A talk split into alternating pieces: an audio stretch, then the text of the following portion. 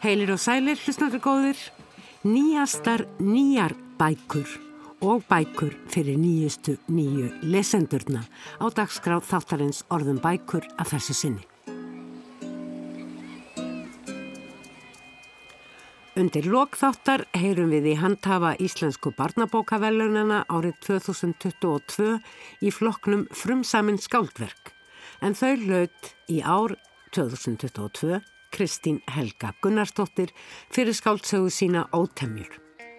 Einnig verður hugað að skáldsögunni Flót sem er fyrsta skáldsaga Rebekku Sivjar Stefánsdóttur og fjallar um flót í eiginlegri og óeiginlegri merkingu.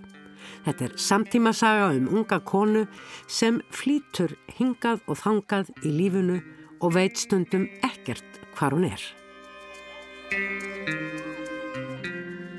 Við byrjum hins vegar í Gunnarshúsi þar sem Díana Sjöfn Jóhansdóttir fagnaði í síðustu viku útgáfu ljóðabókar sinnar Mamma þarf að sofa en Díana Sjöfn hefur áður sendt frá sér ljóðabókina Freyja og skáldsöguna Ólivja.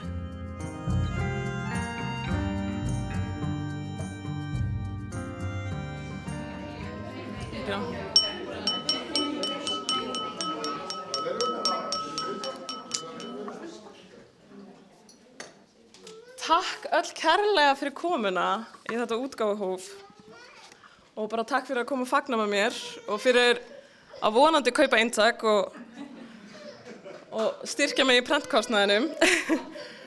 en ég er gríðarlega þakklátt fyrir að hafa færi á að gefa út skaldskap hér á þessu landi sem allir eru svo indislega góð skald í hjartanu og á prenti, mörg hver og það eru forréttindi að fá að hafa gefið út hjá forlaugum og svo að hafa færa á að gefa út sjálf og fá að fagna hér með ykkur í þessu söguríka og fallega húsi. Þessi ljóð í þessari bók, Mamma þarf að sofa, vann ég í fæðingarorlofinu mínu í byrjun ást 2020. Meðan litla kona mín svaf, svo undurvært þá skrifaði ég. Og ég hafði engar væntingar til orðana, heldur leifiði þeim að flæða mér frjálst. Það var frelsandi. Þetta var úrvinnsla fyrir mig. En einn besta leiðin til að vinna úr hlutum, sorg eða áfalli, er að setja þá í eitthvað form. Hér er mitt form, sem er bæði endurómur og verund mín, myndir og tilfinningar. Óður til mæðra en þó sérstaklega til minnar eigin móður, og minna formæðra sem mótuðu mig og gáðu mér líf og ást. Blessuðu sé indisleg minning þeirra. Ljóðverkinu er skipt í þrænt. Fyrsti hluti fjallar um að eiga mömmu, annar hluti um að missa mömmu og svo triði um að verða móðir sjálf. Og það er merkilegt, þegar þú verður móðir sjálf, þá upplifur þau upp á nýtt það að eiga móður, bara frá öðru sjónarhorni. Og það er svo ótal margt sem ég vildi segja um mömmu þegar ég fætti mitt fyrsta barn. Og enn í dag eru ótal orð og samtölu sem fá aldrei sinn rétt að farveg. En fá farveg í þessari bók. Svo ég skrifa þessa bók fyrir mig sjálfa. En ég gef hana núna út í þeirri von að hún geti einnig snart við fleirum sem hana lesi. Og ég er svo innilega þakklátt þeim sem hvötti mig áfram að gefa hana út. Það er ómetanlegt að fá stuðning. Þeir sem þekkja mig hvað best vita að ég get stundum mist trún á mér. Það voru þá gott að hafa einhvern sem heldur upp í trúni fyrir mig. Ægir, klætturum minn, takk fyrir kvartningun á ástina. Kæri þakki til yfirleysara minna sem kvötti mig áfram að gefa út þrátt fyrir allt. Fríða Ísberg, Rebeka og Sjöpp, yfirleysarinn mínir. Embla Bergrun og Bryndís, takkir til ykkar líka fyrir að standa alltaf með mér. Og fjölskylda mín og tengdafjölskylda. Og þúsund Þúsund þakkir fyrir hönnurum minn, snillingurinn Ingeborg Ottsdóttir sem gerði svo guðdómlega fallega bláu kápu. Bókin og ég eigum þér alltaf þakka. Það er nefnilega þannig að bók er aldrei fyllilega verk eins einstaklings. Ég viðkynna það sjálf að ég dæmi oft bókina eftir kápunni.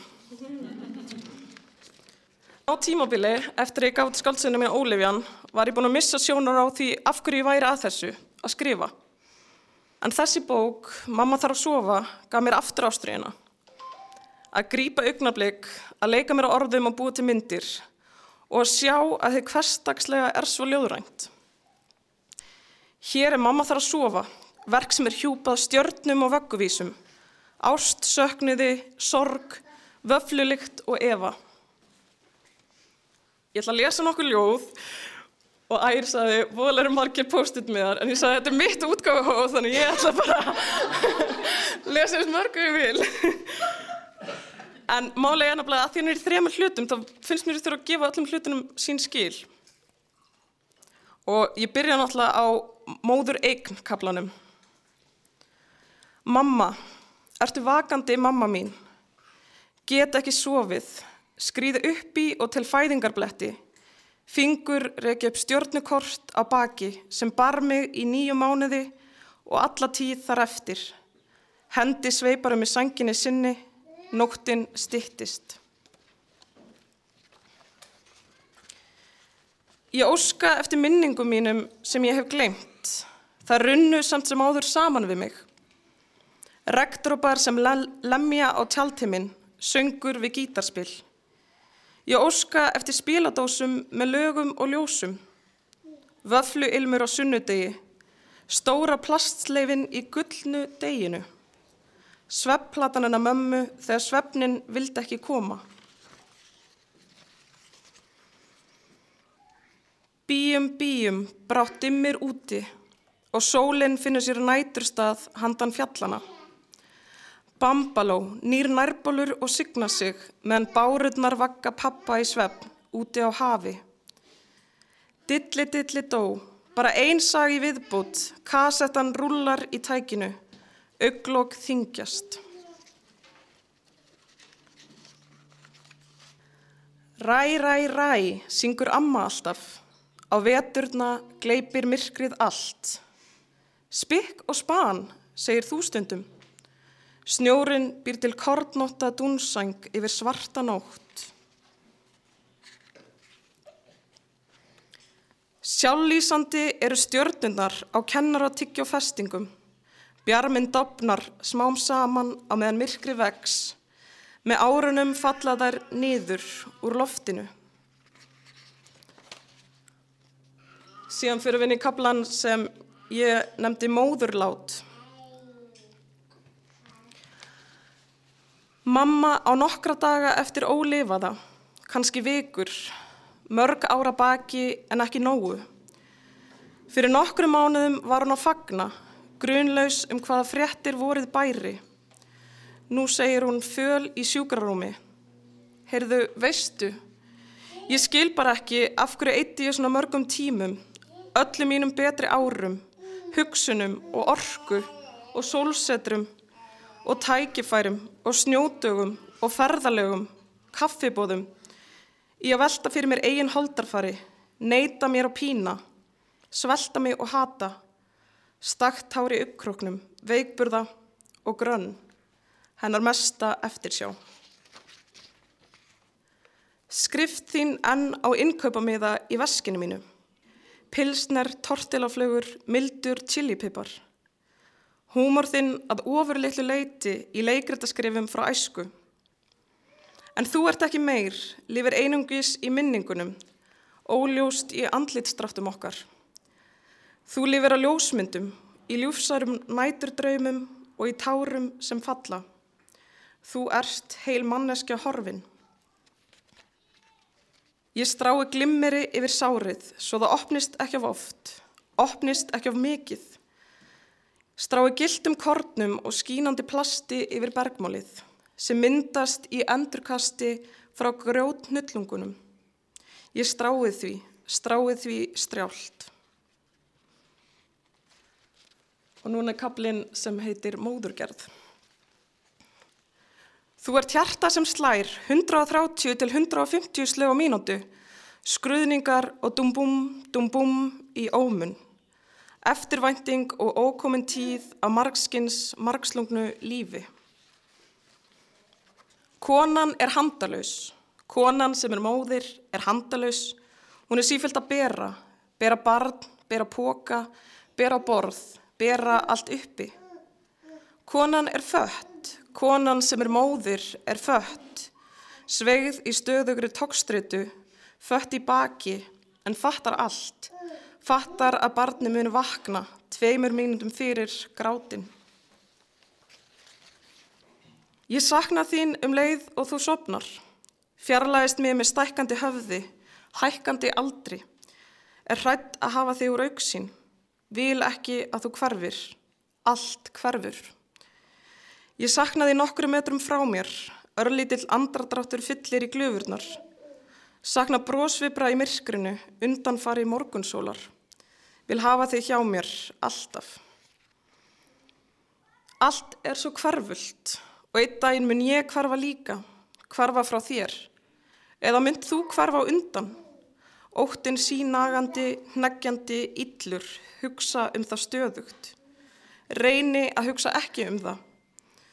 Vil vera þér allt sem mamma var mér, pönnuköku og vöfluilmur, dans upp úr þurru, sigur og rappabari, faðmur og kvildarlendur, söngvar með nöfnum og ræ, ræ, ræ, ræ, ræ. Fætti þig inn í heim hverfandi fyrir gefðu. Takk fyrir. Takk fyrir.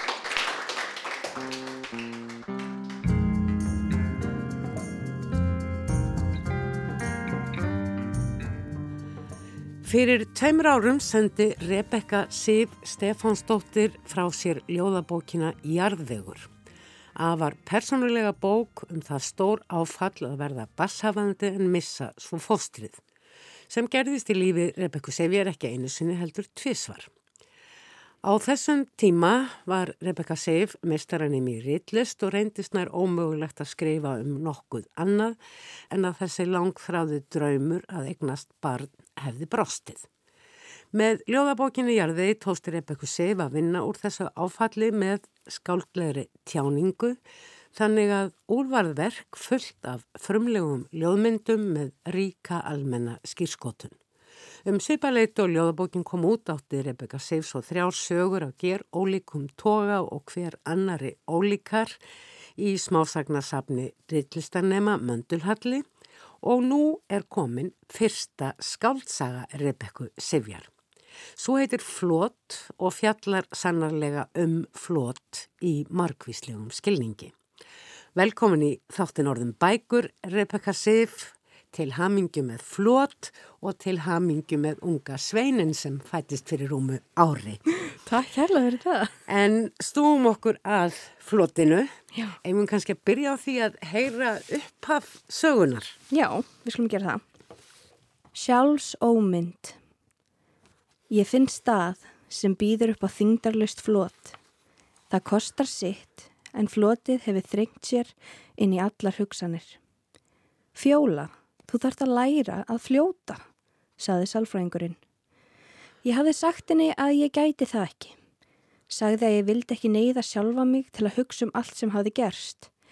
Allt sem fylgti mig vannlíðan, fekk mig til að horfa laungunar augum á nývana í eldurskúfunni. Ég stakk upp á því að salfræðingurinn eiki skamtinn af þunglindislifjónum í staðin. En hún hjælt ekki. Ég átt að hugleiða. Sjá hvort að það virkaði frekar en að dæli með meira magni af livjum. Livin hjálpa upp af vissu marki.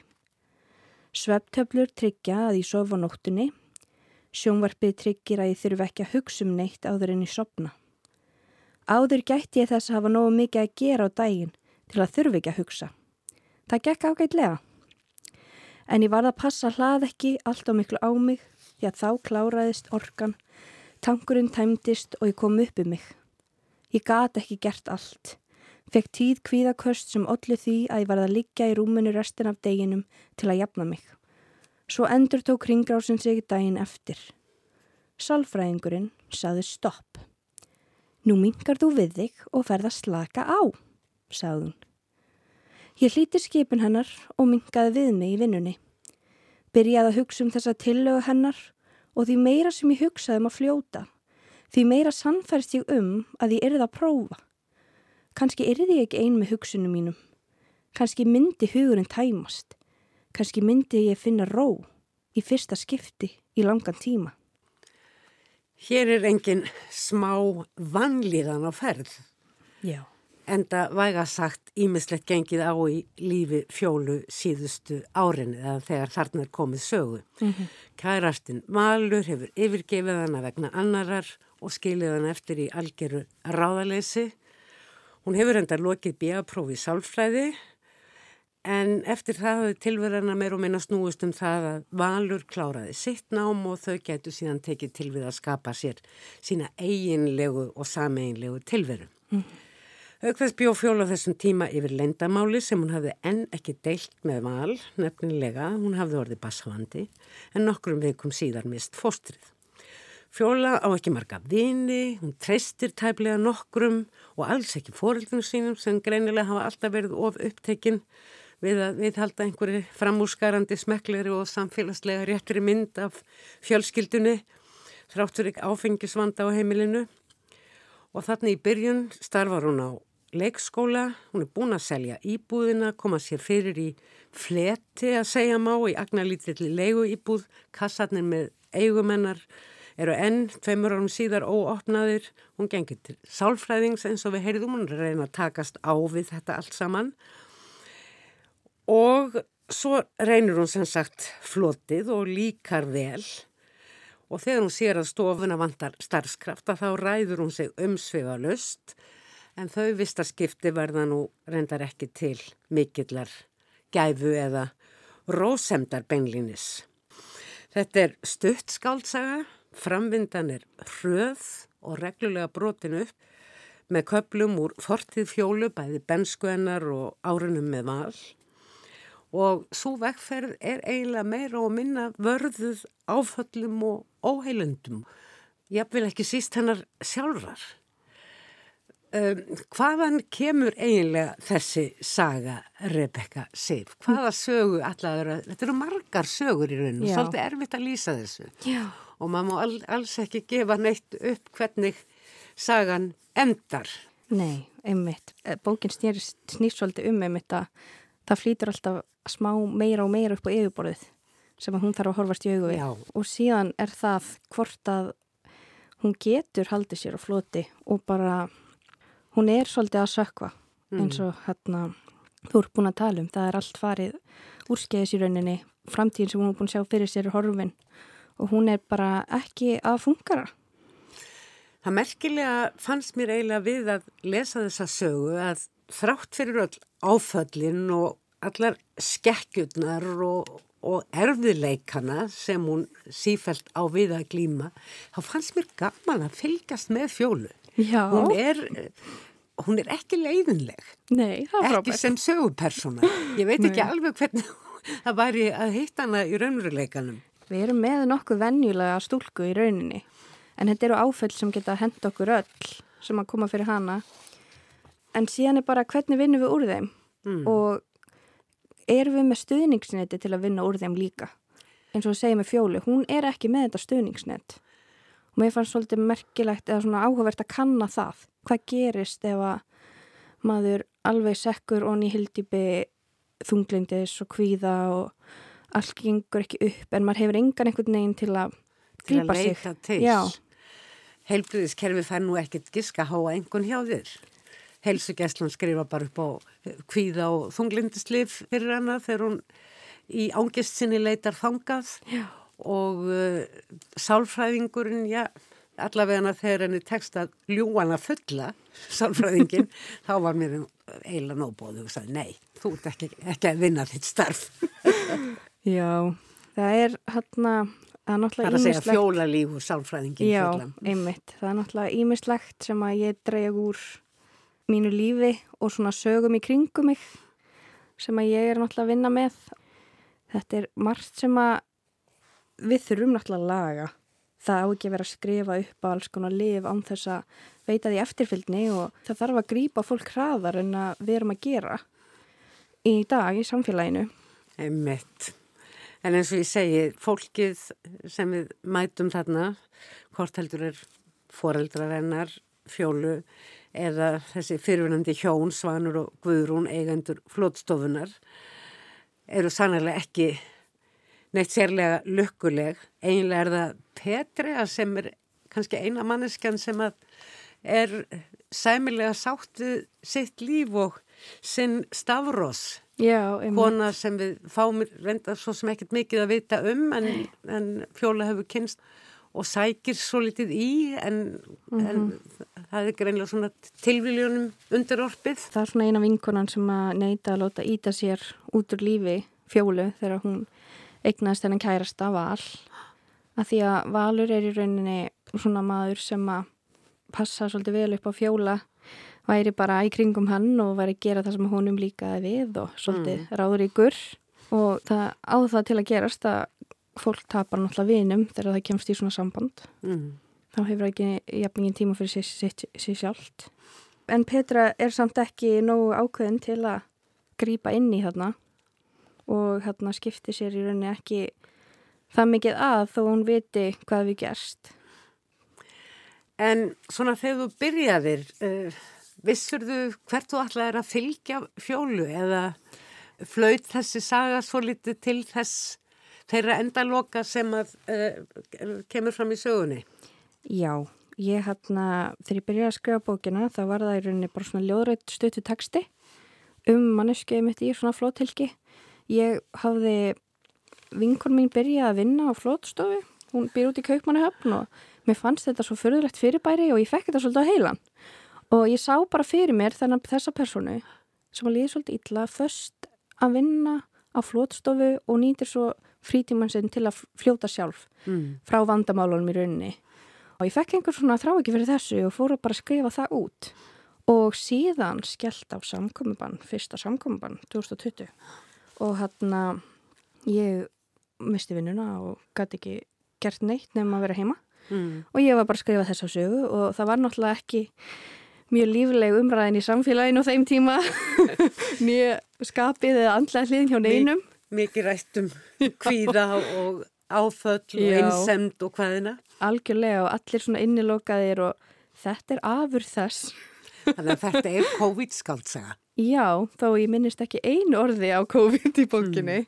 þá hérna var það til einfallega því að ég háði allan þennan frítíma og all, allar þess að erfið tilfinningar sem voru í gangi í samfélaginu sem maður mm. bara náttúrulega síast inn í mann en hérna ég byrjaði bara að skrifa og hugsaði bara ég skrifa þúsundar á dag eða set bara klukku, skrifa og síðan var það bara einn daginn, tveim mánum síðar sem að ég skrifaði lokin og bara já þetta er endurinn En bókin hefur svona ákveðna byggingu við byrjum mm -hmm. þarna á flottstofunni og hún ræður sér til starfa og við fylgjumst með henni í því síðan koma reglulega inn þessir kaplar úr bernskunni og sem sagt um samband þeirra vals eins og það hafði verið og hvernig samband slitin áttu sér stað mm -hmm. og, og, og hvað gerðist eftir það. Já. Þú erum svolítið snögg upp á lægiðstundum, hún er mjög kvartvís fjóla getur verið. Já. Eins og til dæmis lýsingin á því þegar hún ákveður að, nú selja ég bara íbúðina. Já og þá er hún ekkert að tvínuna við það Nei, einmitt, þá er hún loksins búin að koma sér upp úr tungliti spælinu mm. og bara ákveður að nú þarf að hreinsa Það er erfitt að finna þessa, þessa fléttu aðferð Nei. með tveimur þráðum þremur í af þess Já, í rauninni þá, hérna eins og það segir þá byrjaði ég að skrifa þetta þannig að ég, það var nú tíð og svo fór tíð og síðan fór ég bara inn á milli en það náttúrulega breytist aðeins en ég var bara með þá byggingu í huga frá upphafið þegar ég var að skrifa. Mér langaði ekki að lesandir myndi vita neitt mikið um hann fjólu til að byrja með. Mm. Þetta er stutt skálsaga, segjum á novella, mm -hmm. en um leið hefur hún einhvern veginn öll enkenni smásögu það er stokkið inn í aðstæður mm -hmm. og út úr þeim aftur og við fáum svona ákveðna mynd og síðan er okkur lesendum eiginlega látið eftir að, að tengja. Já, ég er voða hrifin að ég mitt að leifa fólki að draga sína álittanir og ekki vera að skrifa allt út að svona skilja eftir á hérna með kannski einhverja lausa enda og ég mitt hoppa á milli og ekki endilega að fólki átti að nákvæmlega hvað er að gerast og líka þetta er náttúrulega endur speikla hugar ástandi hjá henni og aðrar personur þær eru dregnar svona frekar grófum dráttum þú leggur ríka áherslu á ákveðna þættu og þeim viltu koma að Já. sem höfundur. Já, um, það er í rauninu líka bara... Soldið ósangjant kannski? það er í rauninu bara sínin en á fjólu. Það er eins og með fórildrannar. Já, Hún ég, hugsað til þeirra. Eina sögu að segja af þeim sem er ekkert góð saga. Það má náttúrulega sjá þá frá allt öðru sjónarhóttni en hún náttúrulega vill ekki leifa þeim það. Hún er í rauninu bara först ofan í svona brunni, hún sér bara ljósið uppi og ekkit annað. Bara þennan eina geysla. Já, eina geysla og bara svart í kring og hún er ekki tilbúin til að horfa á góðu hliðar neins. Hún er raunin búin að gefast upp á öllum þegar kæristinn fer frá henni að þá einhvern veginn bara krassar hún og hérna það er enginn sem að hún treystir lengur. Þetta er saga um mikið óöryggi, ástleysi og afleiðingin verður þráhyggja og kvíði mm -hmm. sem virðist engan enda ætlað mm -hmm. Þú nefndir svona ímis atriði sem þú tekur úr eigin lífi eða frásögnum fólk sem þú þekkir. Svona eigin reynsla og raunveruleg reynsla mm -hmm. er þér mikilvægur efni viður í skálskapin? Já, hún er það og kannski þá aðala kannski raunverulega tilfinningar frekar en einhverja senur það eru rauninni ekkert satt í sögunni nema kannski þá einhverja tilfinningar hvernig manni líður í slæma ástandi og þegar maður er komin á botnin. Mm. og ég vildi svolítið vinna með það bara hvað henni líður ítla Hafður engar áhyggjur að þetta væri of svart allt saman? Jú, klárlega. Alveg hellingsáhyggjur á því. Ég er núna oft fólk, að rétta fólki bókina og það var til haf mikið þess að gaman. Ég bara, við ætla að vara þig við þetta er mm. myrk bók, þú mátt geima hana þú vilt En segðu mér Rebecca Sif nú hefur þú lokið þínu námi í reitlist þetta er þriðja bókin sem þú kemur að og kannski svo fyrsta í sjálfstæðri tilveru hvernig eru aðstæður nýra höfunda að koma fram á sjónarsvið. Krónika gefur þessa bók út. Já. Þeim er lítið forlag og ungar að kvenna ef ég mm -hmm. hérna mann rétt. Já. Og tiltölulega ungt. Já, en þær koma báðar heiða og harpa koma báðar af öðrum forlagum. Heiða búin að vera ekki á bókabitinni og harpa búin að vera ekki á sæmundi og mm. báðar rosa flottar og öfla á konur og hérna þegar ég heyrði um þetta fórlag mm. þá kann ég að prófa að senda og líka sá að Harpa væri orðin réttstjóri þar Harparún Kristjánsdóttir. Já, Harparún Kristjánsdóttir, ljóðskald og réttöfundur og réttstjóri mm. Mér finnst hún svo flott. Það er eiginlega bara magnað að það er taka séns á mér hérna. Það er gefa ekki mikið út en voru tilbúnar, voru rosalega hrifnar af þessu handriti og vildi gefa það út. En auðvitað var bókin náttúrulega var búin að senda hana á nokkru staði og það er erfitt núna bæði að vera nýri töndur og að þarna, vera með stittraverk sem er korkir gleipasagan grín og rómans. Já, maður þarf í rauninu bara að hitta og réttu manneskjuna sem maður tengir við. Og það var svolítið þegar að ég sendi, ég sendi bókin á Steinabra Já, þú vittnar í hann hér já, á forsýðu bókarinnar. Hann áhrifa mikið og tragist fyrsta verk. Hann nefnilega tengdi svo við bókina. Þetta er svona bók sem að held ég sumir bara virkilega finna sterkatengingu við mm. sem kannski aðrir gera ekki þannig mér finnst það líka svolítið mikilvægt aðri að þegar maður er að skapa svona verk að það lendi í réttum höndum og bókin gerir það svo sannlega hjá hörpu og hérna heiðu hjá krónuga. Og þakk sér þeim höfum við nú þessa bók í handunum. Já. Ertu komin að stað með fleira? Já, já, já. já. fullt? Já, það er, það er fullt. Það mm. er, það er... Ljóð, smásögur, skáltsaga? Það er skáltsaga og barnabók í farveg. Mm. Já, sem að, já, uh, má býða spennt eftir. Ég efa það ekki. Hjartans þakkir Rebecca Seif fyrir komuna í þáttin orðin bækur og ennu aftur til hamingu með flott. Takk fyrir.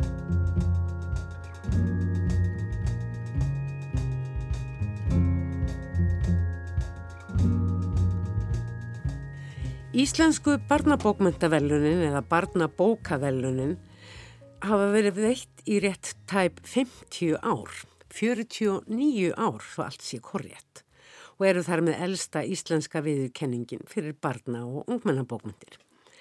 Atöfnin í ár, árið 2022, fór fram í höfða á síðasta vetradag og að vanda voru þrenn verðlun veitt fyrir bestu myndlýsinguna, fyrir bestu þýðinguna og bestu frumsöndu barna og ungmennabók síðasta árs.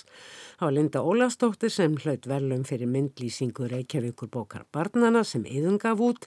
Sverri Norland hampaði verðlunum fyrir bestu þýðingu barna og ungmennabókar fyrir hinn áhuga verða og afar eigulega doðrand eldhugar konurnar sem gerðu það sem þær vildu eftir hérna fransku Penelope Bagu og AM forlag Sverri skaf út Og síðast, en sannlega ekki síst, fekk Kristín Helga Gunnarsdóttir barnabókavelun Reykjavíkuborgar árið 2022 fyrir skáldsögu sína Ótemjur sem Bjartur gaf út.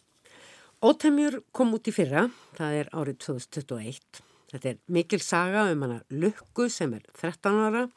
Hún gengur auðvitað í skóla, er góð í stærfræði, á fáa vini og hefur mikinn áhuga á týndum börnum.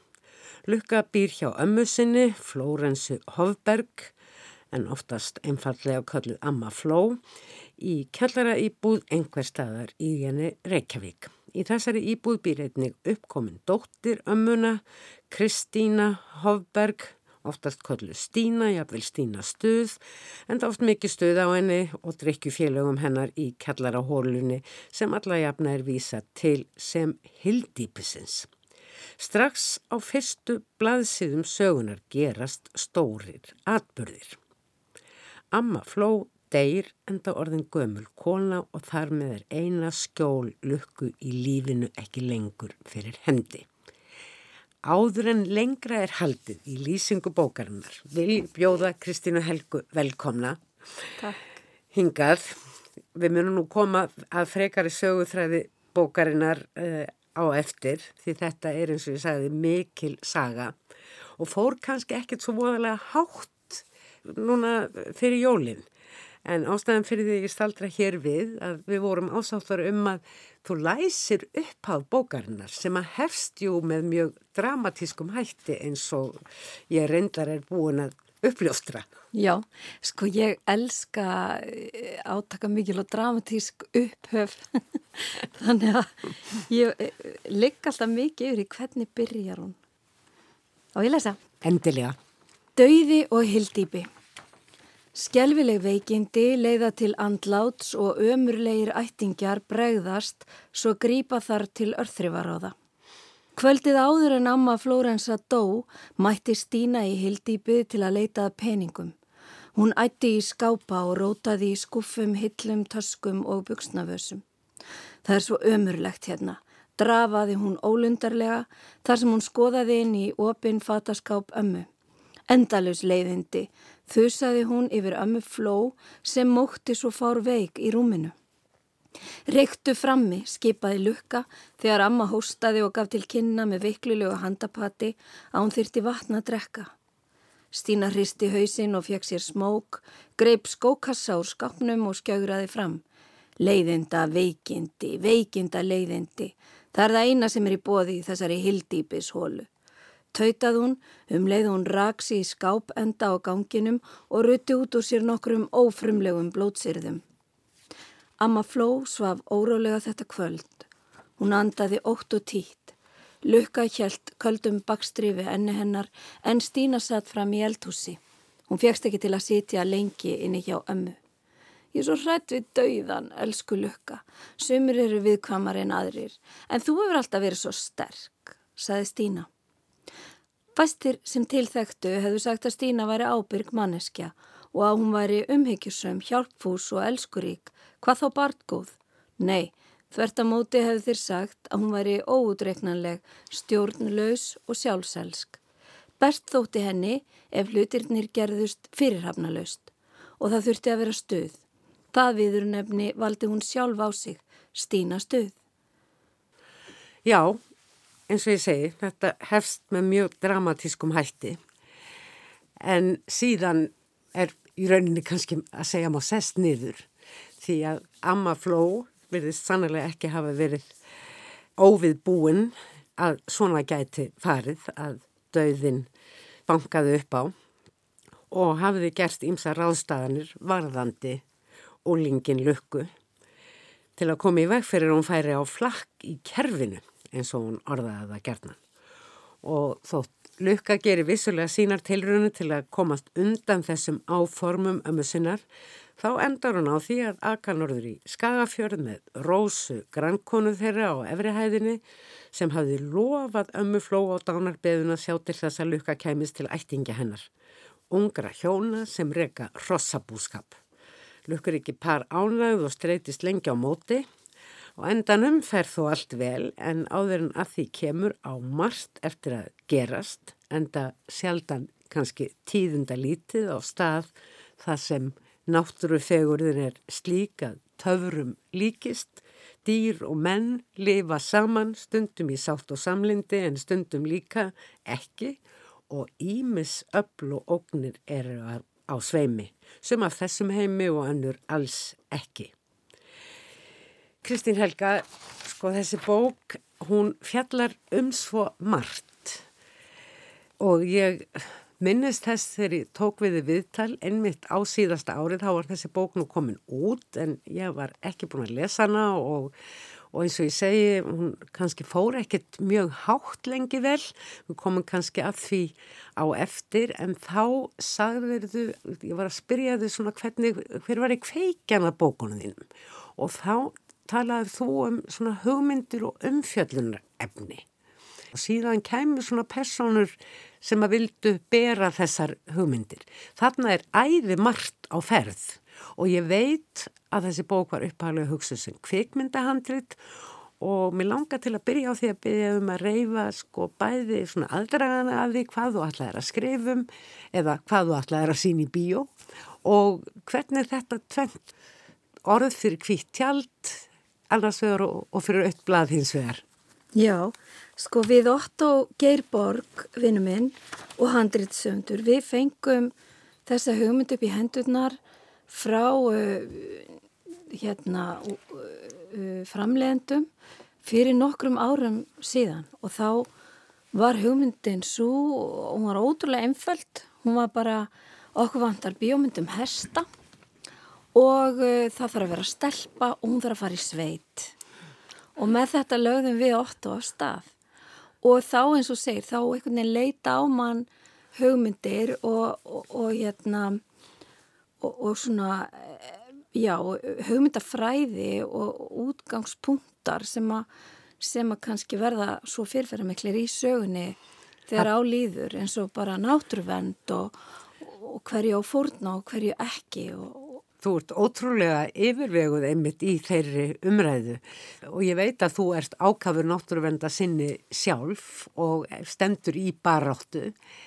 En þér tekst sem rittöfundi að halda kúlinu. Í, ekki bara halda kúlinu að halda einhver, einhverju jafnvægi, gefa öllum séns.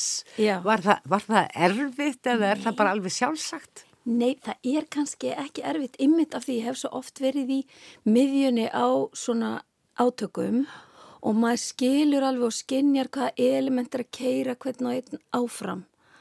Og þannig að mér fannst mjög auðvilt að einmitt að stilla þessu upp þarna þar sem að á að fara að hóla fjallað innan mm. og í raun og veru byggja hótel inn í fjall já. með, með blágríti, stölaberg, svölum og hvaðina Já, og, og það er komið erlend risafjármagn og allt er mögulegt og, og við erum að taka þessa slægi um all land og þeir eru líka bara alþjóðleir, það er verið að taka þessa slægi um viða veröld á að láta í friði á fórna hvað að gera og á fjármagni að ráða, á framtíðin að ráða.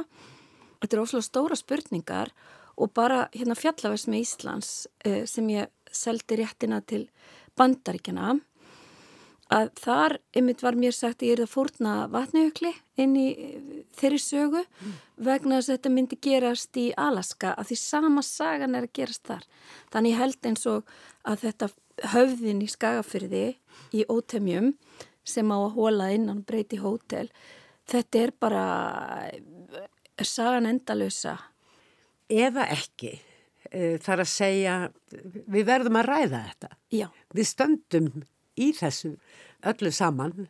Við viljum fá en erum kannski ekki alltaf jafn tilbúin til þess að láta. Já, og ég held um þetta bókmyndirnar séu svo góð leið og mér finnst eins og, eins og þetta, ég veit nú ekki hvað svona young adult er kallað, þetta er bara Kallað ungmennabækur. ungmennabækur, já. Mér fannst þetta persónulega burt sér frá aldri. Já. Bara spennandi saga að lesa. Takk, og Hver- þetta er fjölskyldubók bara. Þú hefur lungum lagt áherslu á það, það hugtak. Já, að leiða alla að sögunni en þetta er líka leið inn í fyrir mig inn í skólastofunar til þess að eiga samtal við úlinga og ungt fólk af því að það er svo spennandi samtal.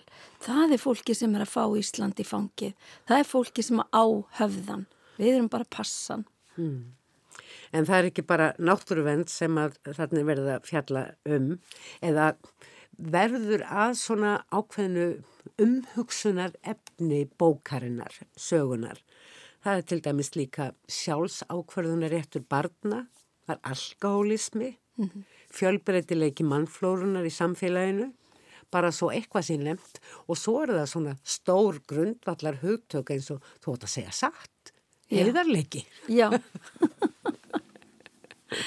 Þótt sannleikurinn sé stundum býst náþægilegur eins og, eins og í, í þessu tilfelli hjá lukku.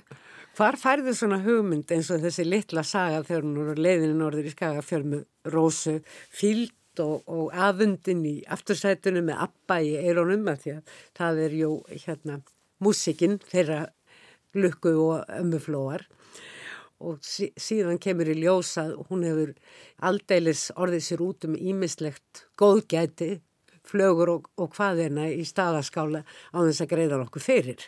Og Rósa er ekki par ánægð. En hún má ekki vera að því að snúa við í staðaskála og, og láta stelpuna skila þessu og byggjast afsökunar og allt það.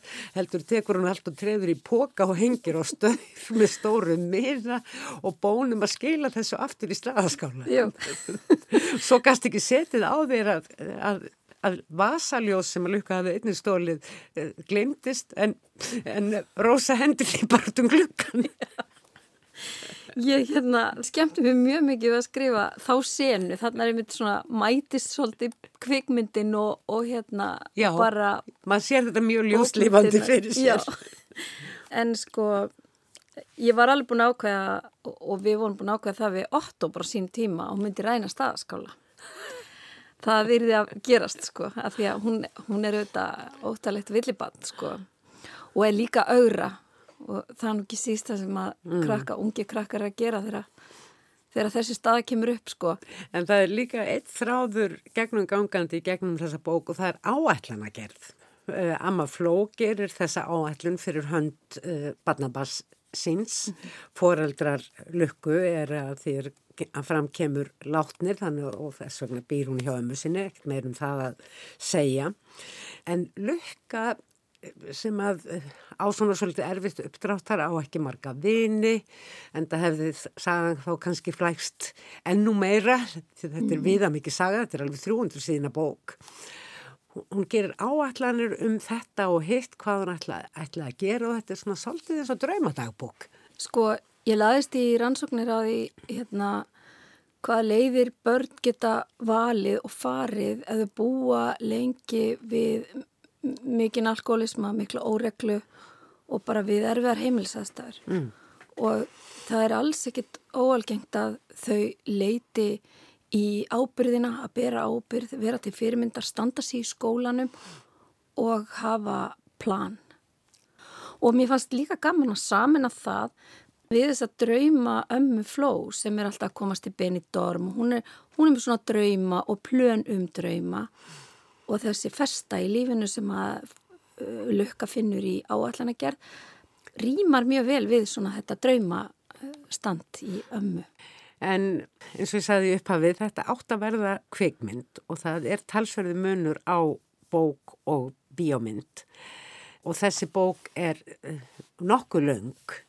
Þetta, hún er ofbáslega myndríks að saga af öllum aðstæðum og af útliti, henni bláhærðu lukku og henni svona svolítið tröndulegu freyju sem er eiginkona Rænes og það eru hjónin sem sagt ja. á bondabænum fanga sem... Hestakerling sem kemur óvart. Já, nákvæmlega.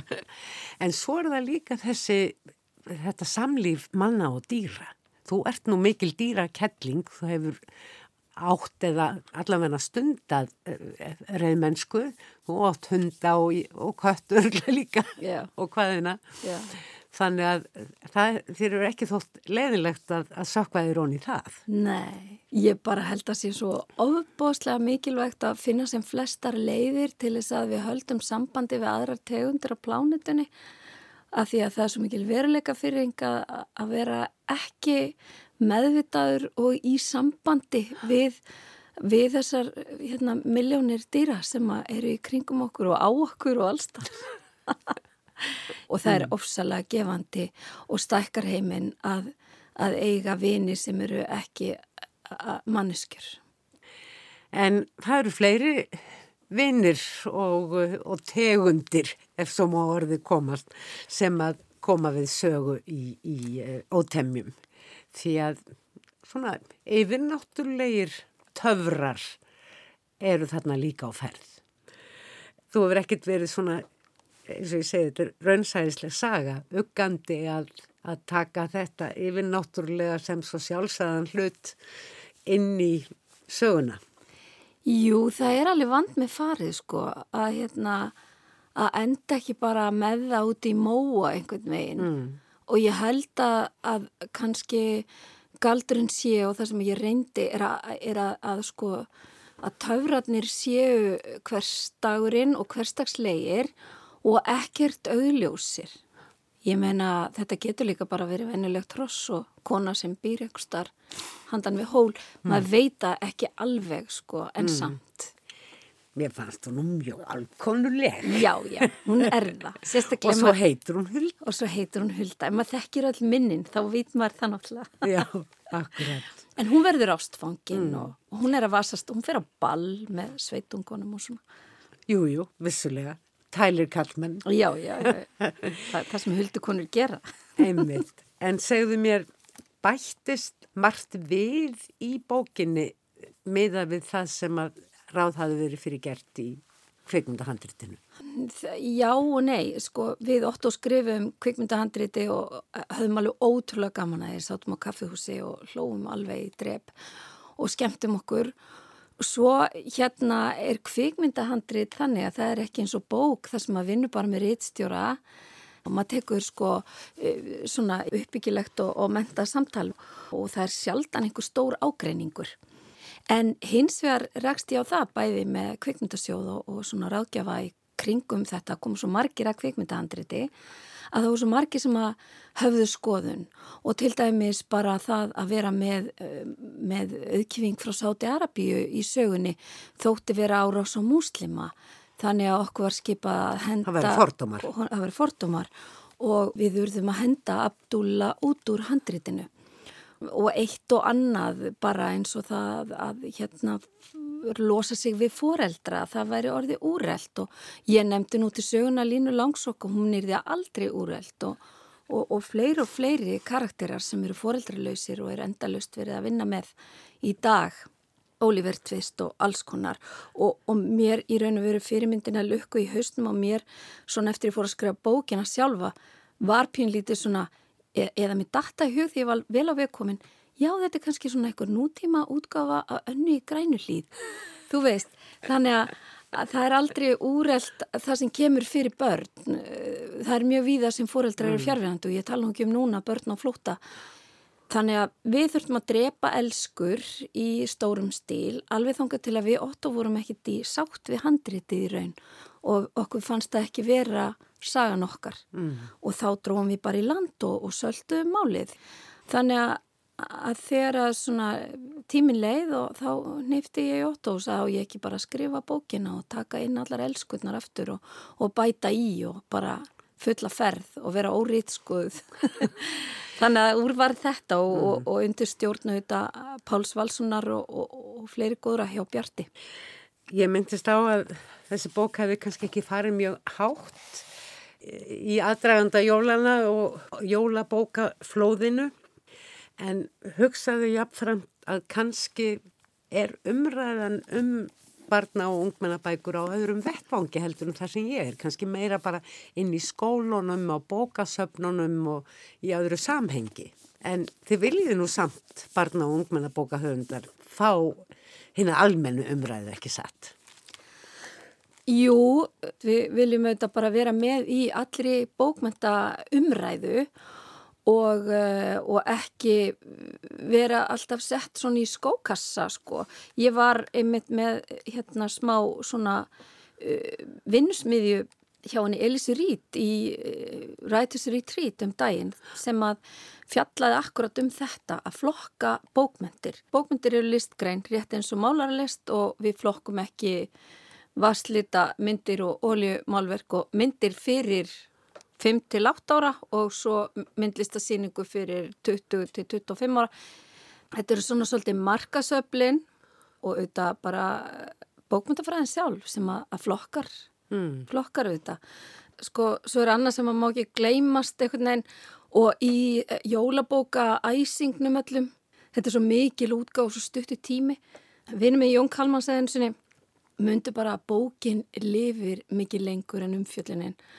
Hún heldur áfram að ferðast og ég fór að hugsa þetta lengra að þessi bók sem er allir fyrir yngri kynsluðina, hún hefur jáfnvel enn starra líf af því að síkveikur, já, og Börn þetta er svo síkveikur leshópur sko. og maður nýjur úrlingar og auðvitað við erum eh, svo heppin mörg hver sem erum að skrifa fyrir yngra fólk að, að bækurnar okkar eru sem betur fyrir kennslefni og verkfæri inni í skólakjörfinu og það þykir mér svo gott að, að eins og fjallaversmiðan er, er verkfæri til að ræða lofslagsmál og, og flótasæði Ismails er verkfæri inn í skólunum sem er mjög mikið nota til að ræða flóta menn og, og, og styrjaldir og bara átökin í heiminum og fá okkur til að skilja betur hvað fólk er búið að gangi í gegnum sem mætir og ótemjur eru auðvitað svona innlegg inn í það uh, og fjallar auðvitað um, uh, um flóta líka. Já og um þannig samruna í heiminum þessa smækkun heimsins. Já, landamæraleysið. Og við erum svo nálagt fjarlægum löndum og þar að leiðandi líka orðin mikið, mikið nærri löndum þar sem eru stríð og, og ræðileg átök. Já, ef ég ætta meitla í eina setningu um hvað þessi bók er að þá kannski er þráðurinn í henni bara ást er allt sem þarf og það er kannski alltaf stóru skilabóðin sem við þurfum að vera minn okkur á og, og að, að ástarvæða brjálaðingana og, og hérna þá er það Ást og opin hugur. Já, það er bara þannig. Sannarlega, það er mörg umhugsanar efni í þessari bók og uh, það sem að kannski er hennar helsti aðall er að hún er, horfir alltaf til begja átta. Ef við aðeins ræðum saman, ef við skoðum þetta saman. Já, Já ég held ekki að, var ekki Hemingway sem sagði, hérna, berðu alltaf virðingu fyrir öllum þínum personum, jáfnvel mest skurkonum og reynda skilja þá, sko. Það er eiginlega ekki hægt að skrifum eitthvað án þess að skilja hann í leðinni. En mitt, það hefur þessi bók sannarlega til að bera með öllum sínum mörgu personum. Við hundumst ekkert á tandra sem yfir vann óta sinn við hunda. Elsku tandri, já. fólk verður bara að lesa um það í ótemjum. Kristín Helga Gunnarsdóttir, kæra þakki fyrir komin í þáttun orðum bækur. Takk fyrir. Fleiri verða orðum bækur ekki að þessu sinni. Georg Magnússon sá um gott hljóð. Takk fyrir að hlusta, verði sæl.